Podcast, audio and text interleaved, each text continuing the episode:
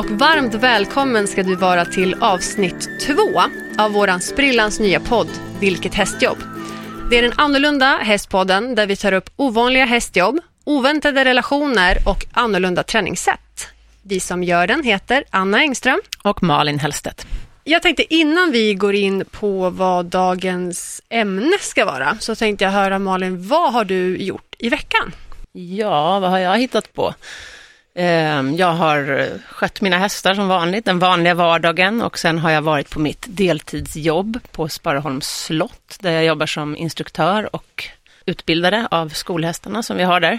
Och sen har vi haft en eh, fotografering hemma faktiskt med ett eh, svenskt band som spelar irländsk musik som var och hade lite häst och lantmiljö i Jaha, sin fotografering. gud vad roligt. Ja, det var roligt. De var väldigt bra. De spelade ju lite medans de, ja, medans de blev fotade. Ja, vad häftigt. Ja, vad har du gjort? Vad har hänt med Winnie? Eh, när vi spelar in den här podden, eller det här avsnittet, så har jag precis varit på Elmia Horse Show med eh, Winnie. Spännande, berätta mer. Ja, eh, ATG som jag jobbar för har, är ju en av huvudsponsorerna till Elmia, så det var därför Winnie var där. Men vi hängde lite i ATGs monter. Eh, Winnie florerade lite grann i fanzone och eh, han fick även vara i, eh, inne på arenan. Ja. Ha. Ja, men dagens ämne, Ja. det är ju faktiskt eh, du Ja. i, idag. Vi hade ju eh, drömjobben del ett förra gången Precis, och dig. då gick vi igenom lite grann eh, genom mitt, Hela ditt liv skulle jag väl vilja påstå. Ja, hela mitt liv. ja. Ja, och då tänkte vi lite ombytta roller, att vi skulle Precis. gå igenom eh, dig. ja, det känns ju oerhört nervöst faktiskt. Spä- otroligt spännande tycker jag. Ja. Eh, därför att du är ju eh, en av otroligt få personer jag känner som har det CV du har. Mm.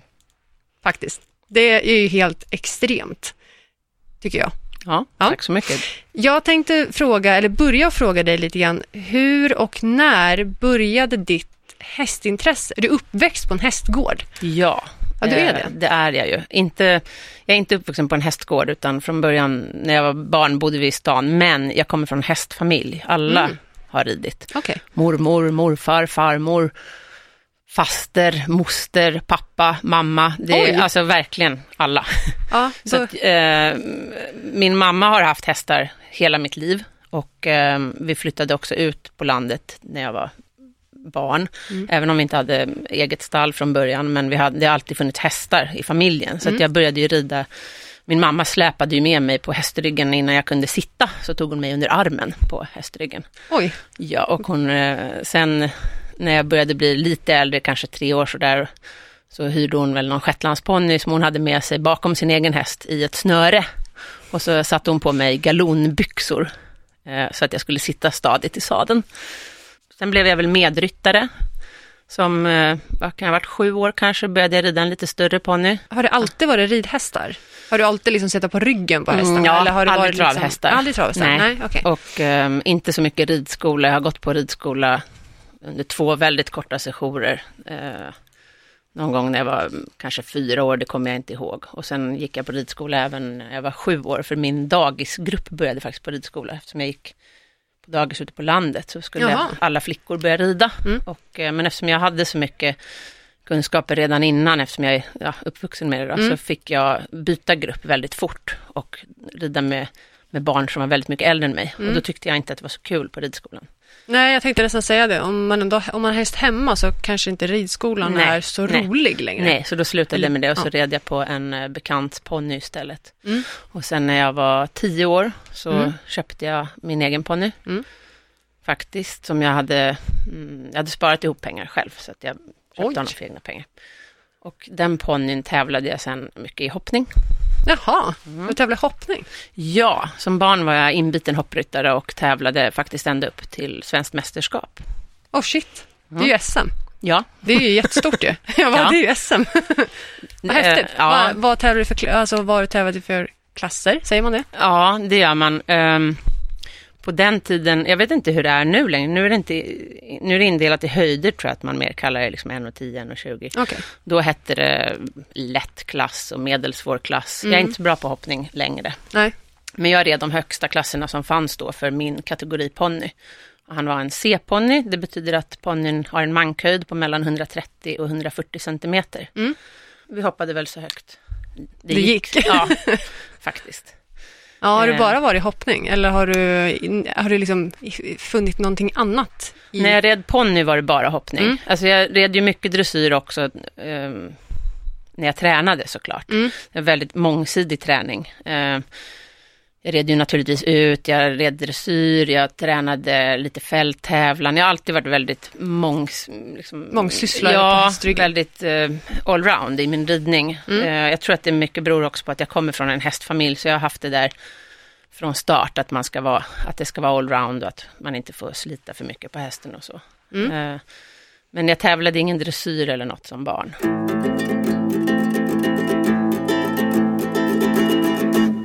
Jag hade en väldigt, väldigt kort paus mellan det att jag var 18 Mm. och 18 och ett halvt. Okej, ja det var Ja.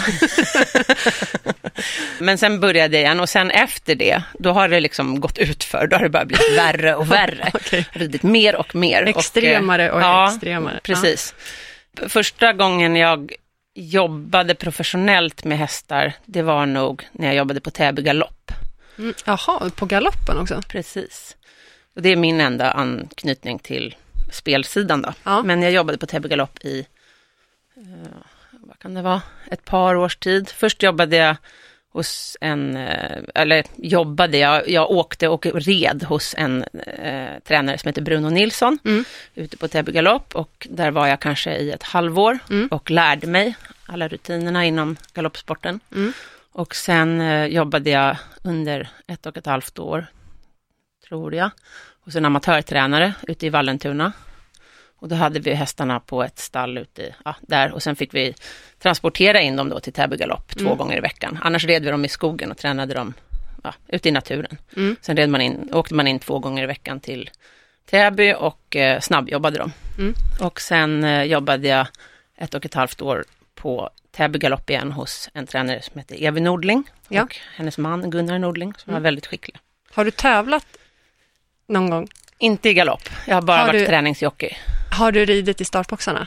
Ja, det har jag gjort. Jag har varit med och tränat unghästar i startboxarna. Det är så coolt. Ja, det, Det är faktiskt, alltså, det är faktiskt ganska häftigt. Nu har jag aldrig suttit på någon liksom stjärnhäst i startboxarna, utan jag har bara varit med och tränat yngre hästar och lärt dem mm, hoppa ut ur startboxarna. Men det är tufft. det måste vara väldigt svårt. Ja, alltså man, man eh, Jag har ju aldrig stått ut. själv i en sån startbox, varken med eller Nej. utan häst. Så jag tänker att det måste vara extremt trångt för hästen. Det är och väldigt trångt, trångt. för, jag, alltså jag, jag tänker så här, sidorna i boxen, alltså kan du kliva av? Eller, Ja, alltså för de som inte vet hur en startbox ser ut då, då kan man säga att den är Det är som en, du går in som en hiss, vagn eller? med olika bås Ja. i. Och det står en häst i varje bås, så att hästarna är uppradade på en linje eh, i varsitt bås med eh, grindar framför sig. Och när starten går så öppnas grindarna så att hästarna hoppar ut exakt samtidigt. Och Mm. varje litet bås är lite bredare än en häst. Ja. Och ehm, i de här båsen så finns det som eh, trappsteg på sidorna av hästen så att säga. Så om hästen blir väldigt bråkig eller stressad och Så kan börjar av, så kan jag ställa Ah. mig med en fot på vardera sidan om hästen. Okej, Så att jag kliver av från hästen så att säga. känns ju lite tryggt ändå. Ja, att det går att oftast hoppa så är det ju en, en person, det är ju personer på marken också som leder in hästarna i bockbåsen och ja, det här är väldigt länge sedan så att Mm. minnena är lite Mm. diffusa, men ungefär så. Och sen ja, trycker ju starten på en knapp och så går grindarna upp och så hoppar hästarna ut. Då är det bara att hålla i sig. Ja, då är det bara att hålla i sig. Ja. Härligt. Mm. Men du, jag har ju faktiskt eh, nischat fram lite och läst lite om dig och det som jag tycker är eh, väldigt spännande, det är ju att jag vet att du har även tävlat i något som heter turnéspel. Ja, Alltså jag måste bara, det är ju så himla häftigt. Menar alltså vad är det för någonting? Hur tävlar man i turnéspel? turnerspel är ju, det kommer ju från ja, barocken när man, Mm. när man red mot varandra med lans. Eh, och eh, det är ju i stort sett samma som då, fast inte på blodigt allvar då. Nej, Utan, ja. ni, ni liksom dödar inte varandra. Mm, nej, det gör vi inte, utan man har en, en eh, trubbig lans. Eh, splitterlans är det oftast. Då är det balsaträ längst ut i toppen och så ska man Okej. träffa den andres sköld på Okej. ett snyggt, korrekt sätt så Ja. att lansen splittras. Eh, det, är, det är i man mot man, men det Mm. tävlar man inte i i Sverige. Utan det man tävlar i i Sverige det är eh, klassiska grenar som eh, man rider på mot en, eh, en quintan till exempel. Det är det? en, en sköld som sitter på en... Aha, och så snurrar den Ja, va? precis. Ja, du smäller till den och så snurrar den. Och då ska det hänga, då hänger det ett klot i Mm. andra änden. Och nu för tiden väger de ju inte så mycket. Men förr då, det var det liksom ett järnklot. Så att om du inte hann undan så fick du liksom det här klotet I i, ryggen. Eller, ja. Ja. Ja. så den rider man mot i full fart. Och så ska man träffa den med, med lansen. Och sen finns det en gren som heter låga ringar. Och då är det en ställning på marken med fem stycken ringar vanligtvis. Med en meter tror jag emellan. Mm. Och då ska du liksom hänga ner på sidan av hästen med ditt svärd och Mm. plocka alla ringarna. Eh, sen finns det en gren som heter höga ringar, Mm. där man ska plocka ringar som sitter högre upp då. Mm. Och de är i olika storlekar. En stor ring som kanske är, vad kan den vara, 12-15 centimeter i diameter och den minsta är, har ett ganska litet hål som är bara precis större än lansspetsen.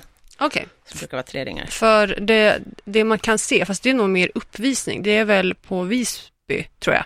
De Eh, har Medeltidsveckan. Ja, eller hur? Det, Ja. Visst är det Medeltidsveckan? Ja, För där har man ju sett lite. Ja men då gör de ju alla de här grenarna. Ja, men då tävlar man. de... Nej, det är inte tävling, Nej. det är uppvisning. Det är uppvisning. Ja, Alltså det här är ju något ganska udda, tänker jag. ja. Hur kommer man in på det här? Vad, hur föds liksom intresset för medel... Alltså man måste ju ha ett grundintresse för medeltid, tänker jag. Nej, Nej, man behöver jag är det. inte ett dugg intresserad Nej. av medeltiden. Nej, men så här, hur, Men, bara eh, hur... Nej, det måste man inte ha. Man måste okej. inte åka till Medeltidsveckan varje år och sådana där saker, utan jag har aldrig varit där. Nej, jag har varit där. Det är Ja, därför ja. jag är så här, Nej, jag inte jag. Utan ehm, jag har ju sett turnerspel från början. Första gången jag såg det väl måste jag ha varit på Globen Horse Show för Mm. väldigt många år sedan. Mm. Jaha, oj. Ja, och då var det väl Tornamentum från Gotland, för det är de som har varit där flest Mm. gånger. Och eh, så jag tyckte att det verkar jättehäftigt och sen, eh, ja, sen har det inte blivit mer med det, mer än att jag har varit sådär, åh gud vad, vad tufft det vore att prova någon gång. Ja. Men sen var det en kompis som håller på med westernridning Mm. eh, och hennes klubb hade ordnade en sån här träning. Och då åkte jag dit och tyckte att det var jätte, jätteroligt. Och eh, sökte mig till den klubben, föräldraföreningen då, Celeris Nordica, som hade de här träningarna. Det ser ju väldigt roligt ut. Ja, och sen eh, red jag SM, ja det är fyra år sedan nu tror jag. Men jag har ju fått sluta med turnerspel tyvärr på grund av att jag har problem med kroppen. Ah, Så att okej. jag klarar inte av att ha rustningar och tunga vapen längre. Jag tänkte säga det, för att rustningen måste ju väga en hel del. Och Ja. den här lansen du måste... Sitter du håller i den själv? ja, sakerna väger en del. Jag har aldrig ridit i full rustning, men jag tror att den, om du har en hel rustning så väger den uppåt 50 kilo. Hela, hela rustningen. Ja.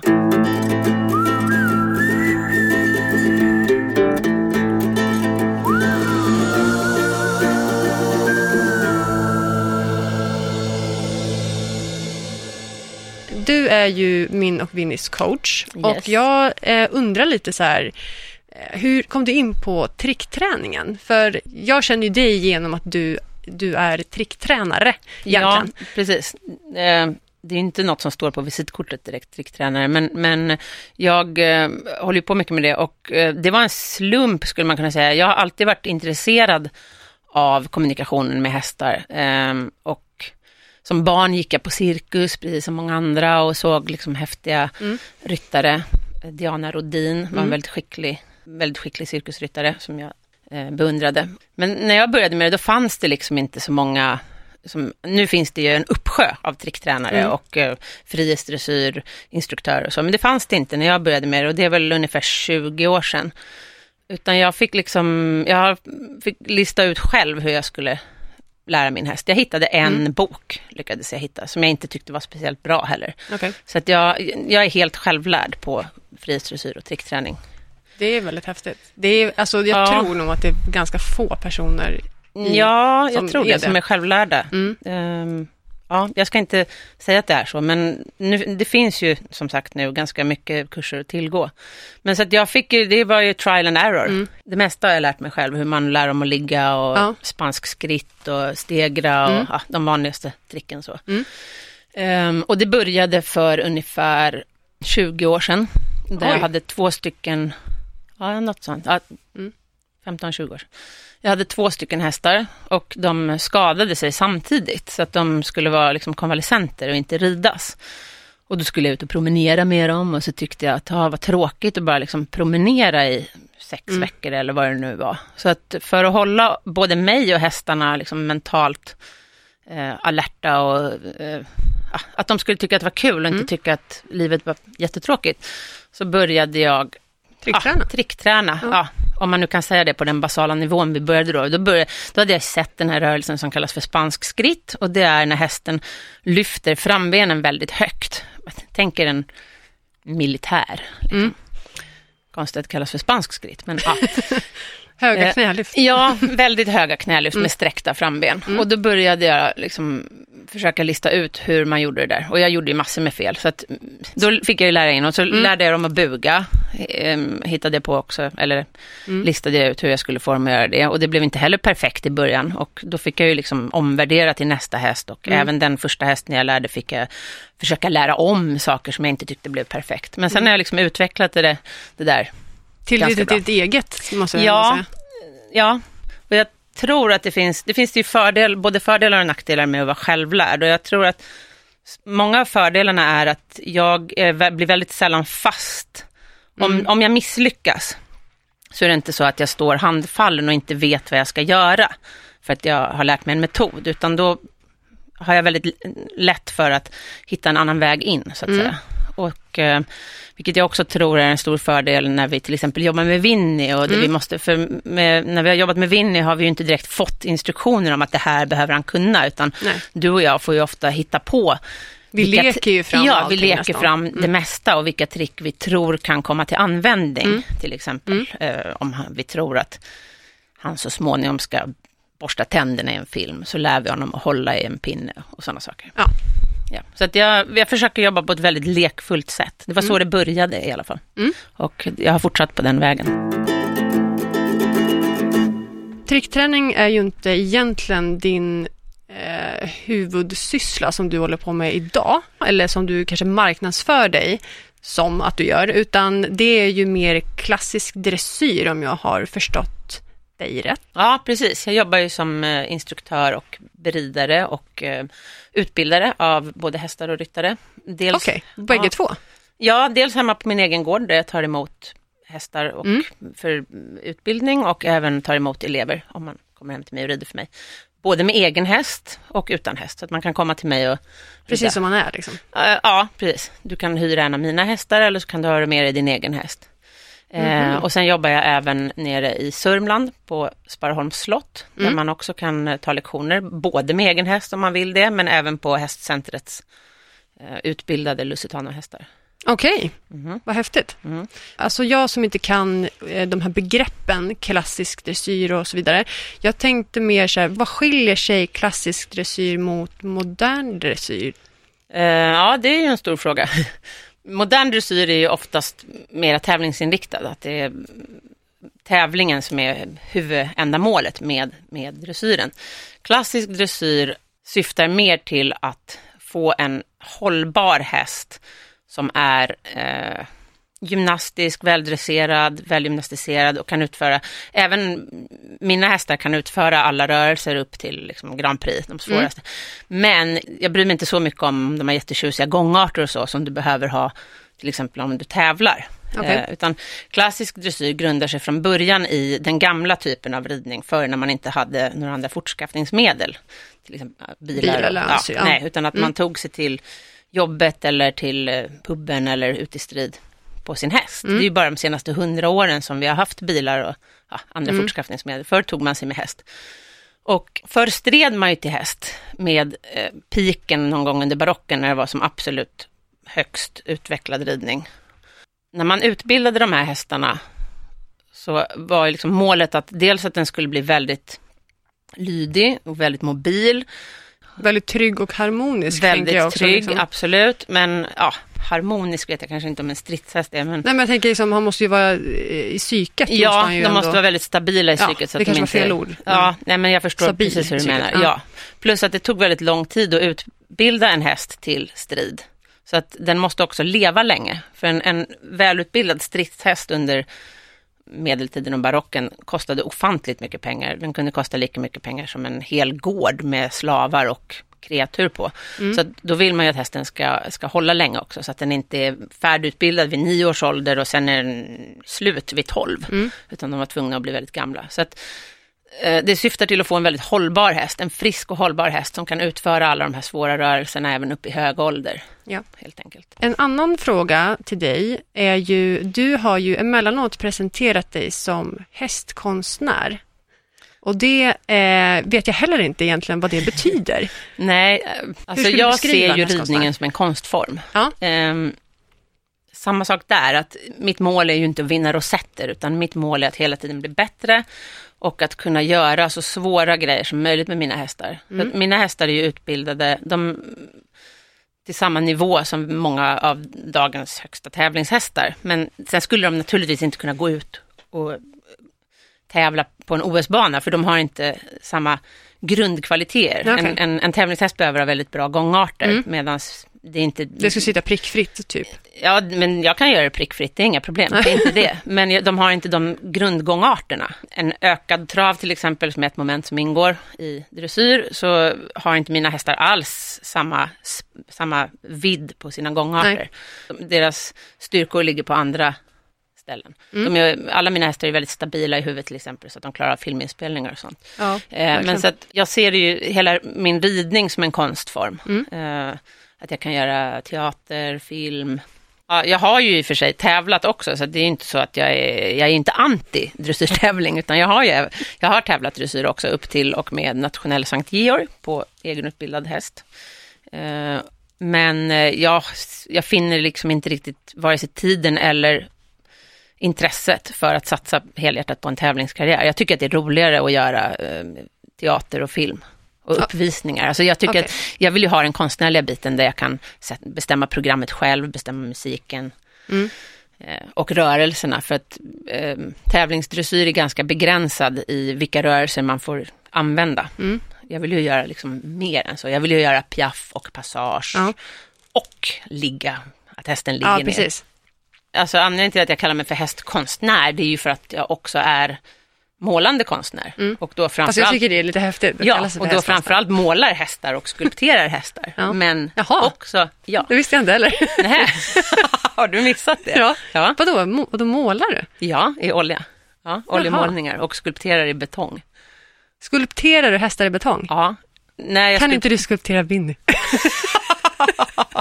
Ja, det vore något. Ett pampigt mästerverk. Ja, Fyra meter högt av vinning. ja, Ja, gud, han skulle... Ja. Nej men så att eh, hästkonstnär syftar ju både till min ridning och Mm, mitt förstår. utövande med mina hästar och även till, till eh, den tvådimensionella och tredimensionella konstnärsbiten. Mm, häftigt. Ehm, stanna kvar för strax så ska vi prata om vad som hände efter ditt tävlande i Vad hände sen?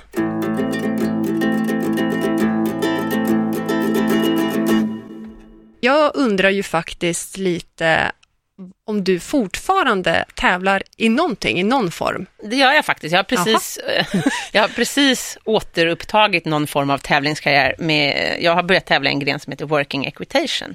Som är en ganska ny gren i Sverige. Eller den är inte så himla ny längre. Men eh, Vad, vad är det?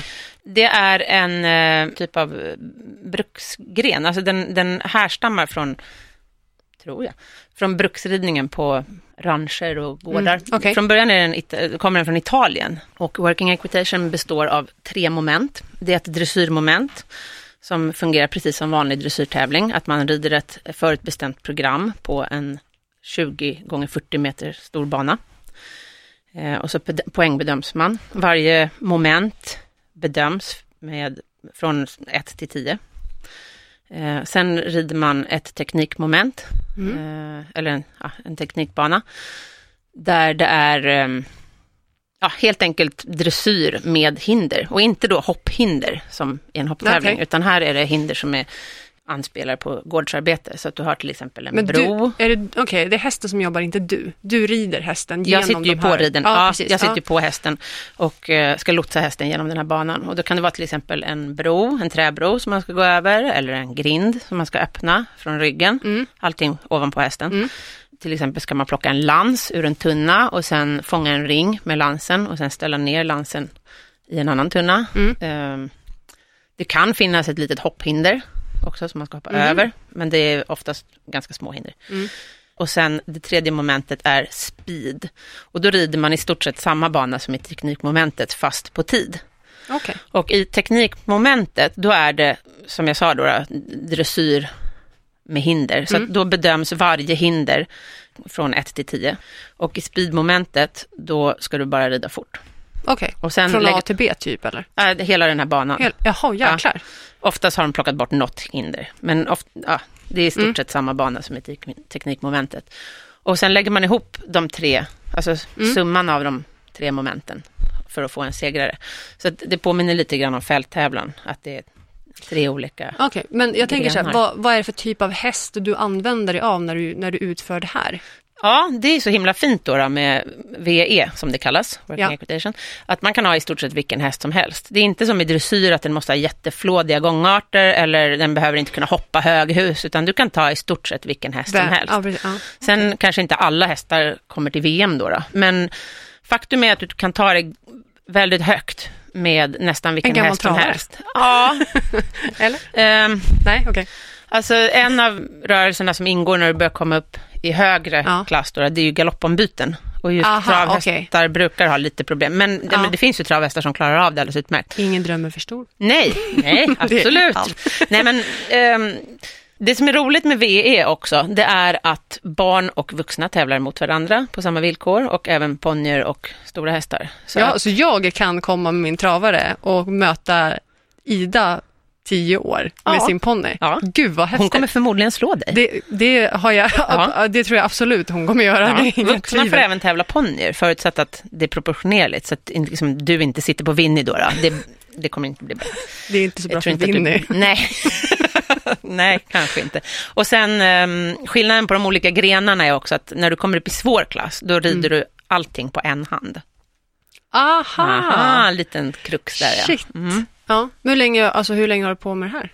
Hur länge har du Men jag började utövat? tävla i våras. Jag har bara tävlat ett par gånger än så länge, men det har gått väldigt bra. Och eh, nästa år siktar jag på att tävla mer, förhoppningsvis. Ja. Alltså det, är, det är en liten tidsfråga också, eftersom jag har så mycket andra uppdrag med film och Ja, teater. ja, och precis. så. Men jag hoppas Det är kunna en komma... hobbygrej. Ja, det, är- ja, det är det. Tävlandet är mitt, min Ja, hobby. Ja. Eh, Och ehm, jag har en häst hittills som jag har tävlat, men jag har två till hemma. Alla tre av Lusitano-ras, alltså Ja. portugisisk, portugisisk fullblod. Mm. Ja, det, det, är väl det, det är deras kändaste hästras. Mm. Och eh, de är väldigt, väldigt lämpade för den här grenen. Även om man som sagt kan ha vad som, vilken, nästan Vilken vilken, häst som hästras helst. Ja. ja, kul. Ja. Apropå dina hästar. Mm. Jag tänkte höra lite, eller jag är lite nyfiken på, hur mycket hästar har du i stallet? Det, nu låter det som när du har Jag har inte alla hästar hemma. Nej. Det är så. Okej, då fick jag veta det. Ja, Nej. det är så. Jag har för många, så jag har fått låna ut några. Men hemma har jag um, åtta hästar. Åtta stycken. Av Yes. samma ras eller Nej, blandar det är du, lite eller? olika raser. Du blandar och ger? Jag blandar och ger. Mm. Jag tycker att det är väldigt roligt med olika hästraser. Så att, eh, jag, har, jag provar mig igenom. Mm. Eh, de flesta andra de har ju liksom en favoritras. Men Mm. jag är sådär att jag ser något nytt och så vill jag ha den. Och prova eller, eller känna och lära känna en ny. Jag tycker det är väldigt spännande att lära känna nya Mm. raser och deras specialiteter och så. Ja. Så att jag har hemma eh, en friser. Du har ju faktiskt en amerikansk miniatyr. Du fastnade ju lite för det när du Ja, jobbade med nu ska jag rada upp allihopa här. Lugn, jag kommer dit. Jag har två miniatyrer. Ja, två ja. Ja, för jag äger faktiskt en som, som jag har lisat ut till ATG och Ja. som du har hand om. Yes. Eh, nej, men om jag ska rada upp allihopa då, så har jag en friser, tre stycken PRE, Pura Raza Española, renrasig spansk häst Mm. betyder det, tre stycken Lusitano och en miniatyr. Mm. Det är de jag har hemma. Mm. Eh, sen har jag också en amerikansk, en American Saddlebred, som jag har lånat ut till bekanta. Okej. Och sen har jag en till amerikansk miniatyr, då, den som du har. Mm. Ja, Gud, vilken Eh, blandning. Vilken ja. härlig blandning. ja och jag. alla har ju sina fördelar. Alla de här såklart. raserna, ska jag säga direkt, är väldigt lämpade för show. Vad har de gjort? Jag vet att de gör så otroligt mycket, Mm. men eh, vad har de mer gjort än att vara på Göteborg och Elmia och Friends? Eh, jag, någonstans har jag ju sett eh, att de har gjort lite musikvideos. Ja, de har gjort ganska mycket kan man säga. Um, Wout har varit med i ett, äh, min friser. Han är Mm. stor och svart. En friserhäst är... Det ha, den har nog de flesta sett. Ja, eh, frisrar är väldigt karaktäristiska. De är alltid svarta, de har mycket man, Mm. de har mycket hovskägg, alltså hår på fötterna och eh, de är väldigt eh, ståtliga. Pampiga. Så liksom. Ja, väldigt pampiga. Mm. Så de används väldigt ofta på filminspelningar. Och eh, min häst Wout då, han har bland annat varit med på Gladiatorerna. Eh, det tror jag är hans största framträdande, eller det som han har... Vem var det som red? Det var Hercules. Ja, Ja, och han var ju så fruktansvärt snygg. Eh, Nej, men han, och han var väldigt, väldigt trevlig också, Mm. Hercules. Han kom ut till mig och eh, övade två gånger och sen åkte Aha. vi till, sen åkte jag och Wout och min hästskötare och upp till inspelningarna i Sundsvall var vi Okej. och eh, inför publik och rökmaskiner och hela balletten och så red han in där. Det, var, det blev väldigt, väldigt bra. Han, han var jätteduktig, Mm. Hercules. Mm. Eh, för han hade aldrig ridit förut. Det Han- han kan hade man inte riktigt tänka sig, för det syntes ganska... Ja, bra han fick rida in där bland eh, rökmaskinerna. Han gjorde Hästen gjorde liksom, sträckte på frambenet Mm. och gjorde en liten stegring och så. Det blev väldigt snyggt. Mm, det var det. Ja, och året efter då var min ena spanska häst, Fighton, Mm. med också i Gladiatorerna. Med Jaha. Amazon. Okej, ja. Ja. det kan jag Och nog. hon är också en fantastisk gladiator, Ja. otroligt trevlig. Hon Mm. hade ridit tidigare. Så att hon behövde inte komma ut till mig och träna, utan vi åkte upp och spelade in. Hon bara satte sig på hästen, Ja, hon satte sig på Ja. hästen och så visade jag henne hur hon skulle göra lite piaff och passage. Ja. Och så gjorde hon en stegring. Shit. Det blev också jätte, jätte, jättefint. Ja, coolt. Ja. Och sen har de varit med i, Fighton har också varit med i Carolina Gynnings tv-program som gick för några år sedan. Jaha, Mhm. Het, vad, vad heter det? I huvudet på Gynning. Huvud på Gynning? vill jag minnas ah, att det så hette. hette det. Ja. Och sen, ja, bland annat, um, den största filmen jag har varit med i var, eh, är en film av Susanne Osten som gick på tv för några veckor sedan som heter Flickan, mamman och demonerna. Mhm. Och där var Fighton med och faktiskt jag också, fast jag syns knappt. Ja, Okej, Ja. gud vad roligt. Ja, det var väldigt roligt. Jag tycker också att det var en väldigt fin film. Som Ja, inte ett sett, men den budskap. rekommenderar jag. Ja. Eftersom att jag eh, känner dig och vet hur dina hästar jobbar, Ja. så det måste jag se. Sen har de varit med i ett antal musikvideos, bland annat så Fighton då, då också den spanska hästen, han var, gjorde förra året eh, en video med Anastasia, Mm. Åh gud vad häftigt. den amerikanska artisten. Så det är väl den största artisten jag har jobbat med. Ja. Men jag har även jobbat med Kent. Vänta nu här, du med Anastasia och Kent.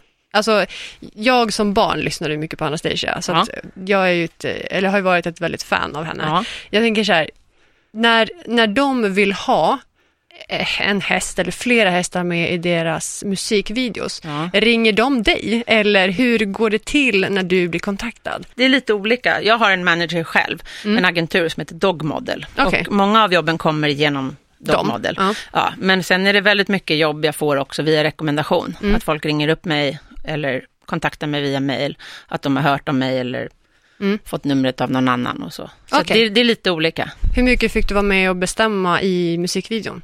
Fick du ett manus att det här vill vi ha av dig, kan du leverera det, ja eller nej? Eh, ja, precis. De frågar ju och så säger de vad de har för en idé. Okej. Och så får jag säga om det är görbart. Och så åker du dit, rekar du någonting innan, du får en plats och så kommer du dit med De brukar hästar. tala om ungefär, jag brukar inte reka. De hästarna är så pass vana och de brukar tala om för mig hur det kommer Mm. vara och hur det ser ut. Och jag ser ju naturligtvis till att det är hög säkerhet. Mm. Eh, Jag är extremt noggrann med säkerheten. Mm. Så att jag följer allting hela tiden. Jag är hela tiden bredvid eller precis utanför kameran och eh, om det är någon som är ovan att rida så är jag, har vi liksom, går vi igenom alla Detaljer innan det- liksom. Ja, precis. Hur- jag, ja. jag ger dem en liten lektion så att de kan liksom styra hästen, stanna hästen, allt sånt. Ja. Hästarna är ju också väldigt, väldigt Mm. väldresserade. Mm.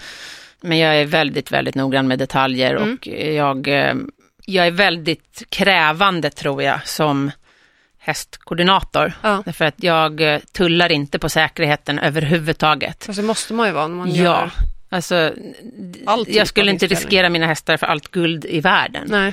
Eh, och inte heller den som ska sitta på. Alltså det, är, det är fortfarande hästar, Mm. allt kan hända, de kan bli rädda för någonting. Så att jag är alltid Men väldigt... vadå, väldigt red både Kent och Anastasia? Nej, i Kent, ehm, då var vi inne i en, i en studio.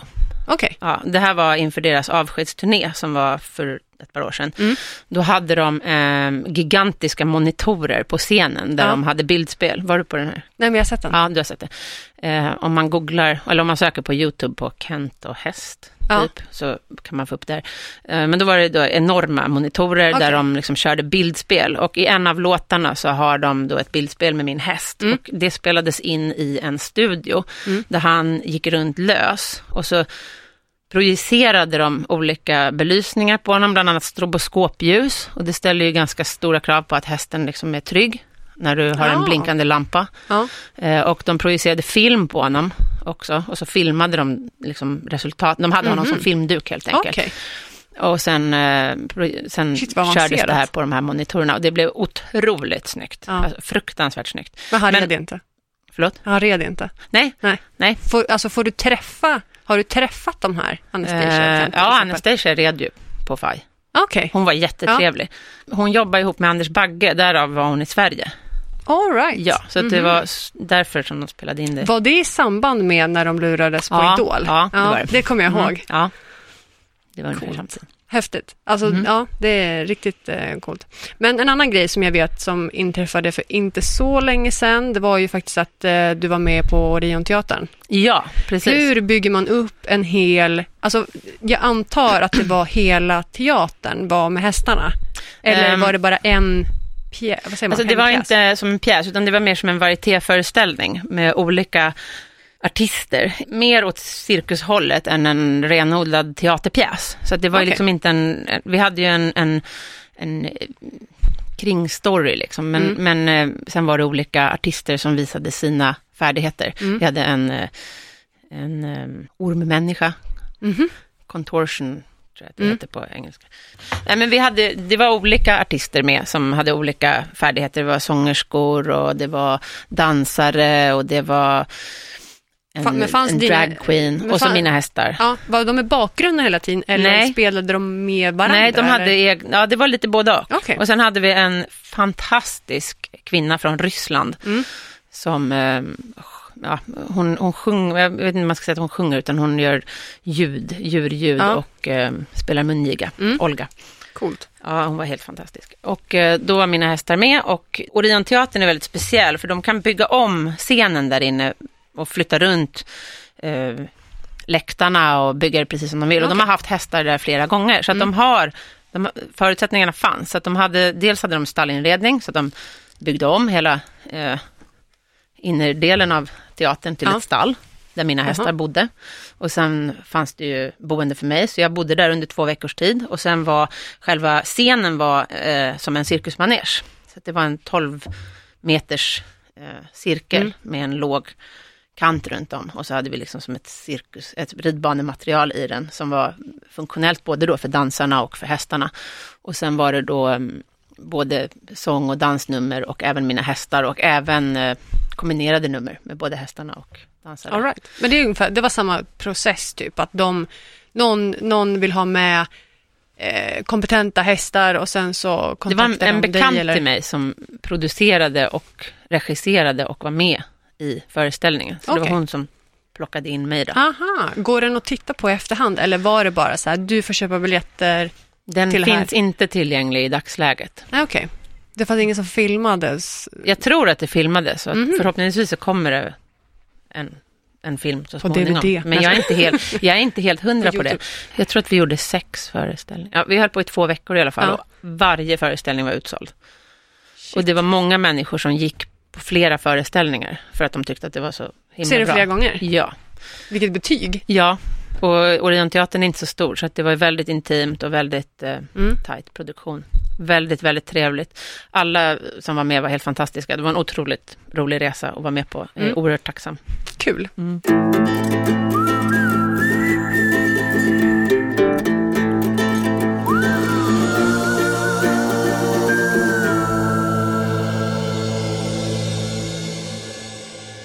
Du har gjort väldigt mycket. Är det Orionteatern som är din favoritgrej du har Det är gjort? faktiskt en av de absolut roligaste händelserna, det är det. Sen, Mm. sen är det både invigning och avslutningsshower på Falsterbo Horse Show, det var också otroligt roligt. Mm. Eh, Jag har varit på Göteborg Horse Show, eller på Eurohorse Mm. sju gånger. Det är alltid kul för det är fantastisk publik och Mm. väldigt trevliga kamrater jag har där Mm. nere. Ehm, Jag vet ju faktiskt en annan sak du har gjort och också. Friends är också otroligt roligt. Jag Mm. har varit med som Pegasus. Exakt. Tänkte Ja, precis säga Det det. var det. Du, har ja. ju faktiskt, du har faktiskt Pegasus i stallet. ja, precis. Och du är ryttarinna till Pegasus. Ja, och det är ju jätteroligt. Speciellt när man har som barn Ja. och liksom ungdom Ja. suttit och tittat på de här hästshowerna och Ja. en så här, åh, en dag, tänk att få rida Pegasus. Jag hade paljettklänning, bara en sån sak. Ja, Ja. gud vad häftigt. Och det är så himla häftigt med de här vingarna också. Mm. De är ju gigantiska och de ser verkligen ut som riktiga vingar. Ja, att- jag har inte sett dem, jag har bara sett dem på bild. Ja, de är, det är riktiga fjädrar. Gud, häftigt. svanfjädrar. Har du gjort dem själv? Nej, nej, de, det är De Stockholm finns Horse som Okej, äger de, dem. okej, de äger dem. Hur Ja. sätter man, alltså, sitter du, de, för du sitter inte på en sadel? du Nej, barbacka. Barbacka? Ja, de sitter på en, eh, Som en jord som en jord. Ja, Ja. Som, ja, för de som inte vet vad en jord är då, så är det som en, ett skärp till hästen kan man säga. Mm. Som man sätter dem på. Mm. Då sitter man bakom vingarna. Så att man sitter ganska bra faktiskt med de där. Det är Ja. ju naturligtvis lite tricky eftersom de är i vägen för händerna och så när man ska hålla Ja. i tyglarna. Men, men det blir väldigt, väldigt snyggt.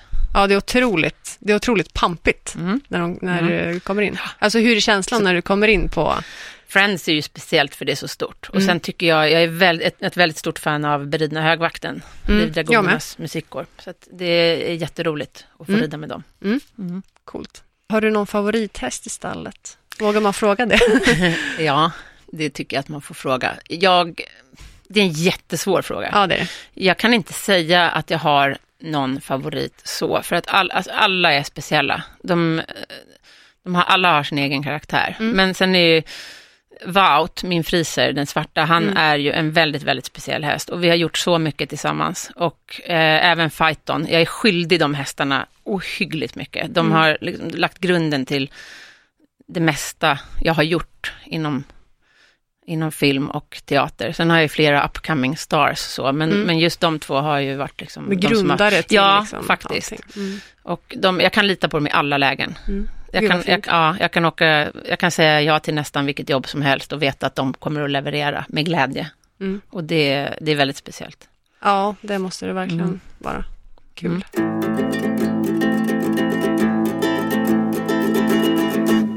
Vi har ju eh, fått eh, veta otroligt mycket om dig och eh, vad du har gjort och vad dina hästar har gjort. Och jag har fått lära mig massor idag, kul. känner jag. Ja. Jag har tagit med mig otroligt mycket härifrån. Vad kul. Ja. Och innan vi slutar så ska du också komma med veckans tips. Ja, de som har eller vill skaffa miniatyrer eller ponnysar. Det kan ju vara lite svårt att eh, hitta tecken till de här eh, pyttesmå hästarna som står i stallarna. Ja, jag hade jättesvårt att hitta tecken till Ja, mina jag- miniatyrer. Jag vet. Men då frågade jag dig. Mm. Jag har blivit en expert på eh, dels märken och vad, hur liksom, man ska leta storlekar och sådär. Och nu vet ju jag vad jag, mina hästar har. Ja. Det finns tre stycken täckesmärken. Det är Amigo, Rino och Rambo. Och jag har tecken av alla märken egentligen. Men Amigo har ju en egen serie som heter Petit-serien. De är extra små då. De är extra små och de går från 55 och uppåt. Eh, Rambo eh, och Rino, de går från 60 eller 75 uppåt. Det är lite, de är lite större. Eh, Rino kanske är från 75, jag vet inte exakt nu, men de är ju mindre än vad ponnystorlekarna är. Så om man går in och googlar på eh, Amigo Petit eller Rino och Rambo så brukar det komma upp de här eh, pyttesmå Petit-serien också. Eh, och har man en ännu mindre häst som inte klär i, i 55 cm så kan man ju faktiskt gå in till återförsäljaren och fråga om visningstäckena, om man får köpa dem. För det är ju stora tecken som egentligen man har minskat ner bara extremt mycket och de brukar ju inte finnas att köpa heller utan det är om ett, så ett täcke har gått ut då brukar visningstäckena bara ligga. Så de kan man faktiskt och fråga om, om man får, får köpa. Det är ju jättesmart. Ja, det är smart. Det som jag kan tycka är lite negativt med dem, det är de här extra halsarna du sätter på, för de är ju extremt stora. Man Ja. kan ju nästan halvera den extra halsen egentligen som, som väl finns att köpa till. Ja, okej. Men annars så tycker jag de är De är snygga, de håller länge eh, och de är prisvärda. Väldigt fina tecken. Mm, jag har fina. köpt sådana nu efter tips från dig. Ja, Och jag är mycket nöjd och Silver är mycket nöjd. ja han är Och jättefin. väldigt snygg. ja. Ja, tack så mycket för det fantastiska tipset. Då tänkte jag presentera nästa avsnitt och eh, då ska vi prata om hur man skapar en stjärna. Vi ska fördjupa oss i hur vi har utbildat och tränat våra hästar och förberett dem för att klara av livet som show och stjärnhästar. Och glöm inte att prenumerera på podden så att du inte missar något avsnitt. Mm. Och har ni frågor till oss eller undrar något eller vill komma med egna tips och så vidare så tycker jag verkligen att ni ska eh, mejla oss på vilkethastjobb gmail.com eller så går ni in på våran Instagram, vilket hastjobb. För där kommer vi även lägga upp ganska mycket roliga grejer. Ja, och ni får jättegärna också komma med tips om det är något ämne ni vill att vi ska ta upp. Mm, det tycker jag. Vad bra. Tack för det här avsnittet, Anna. Tack själv Malin. Och tack till dig som har lyssnat. Tack.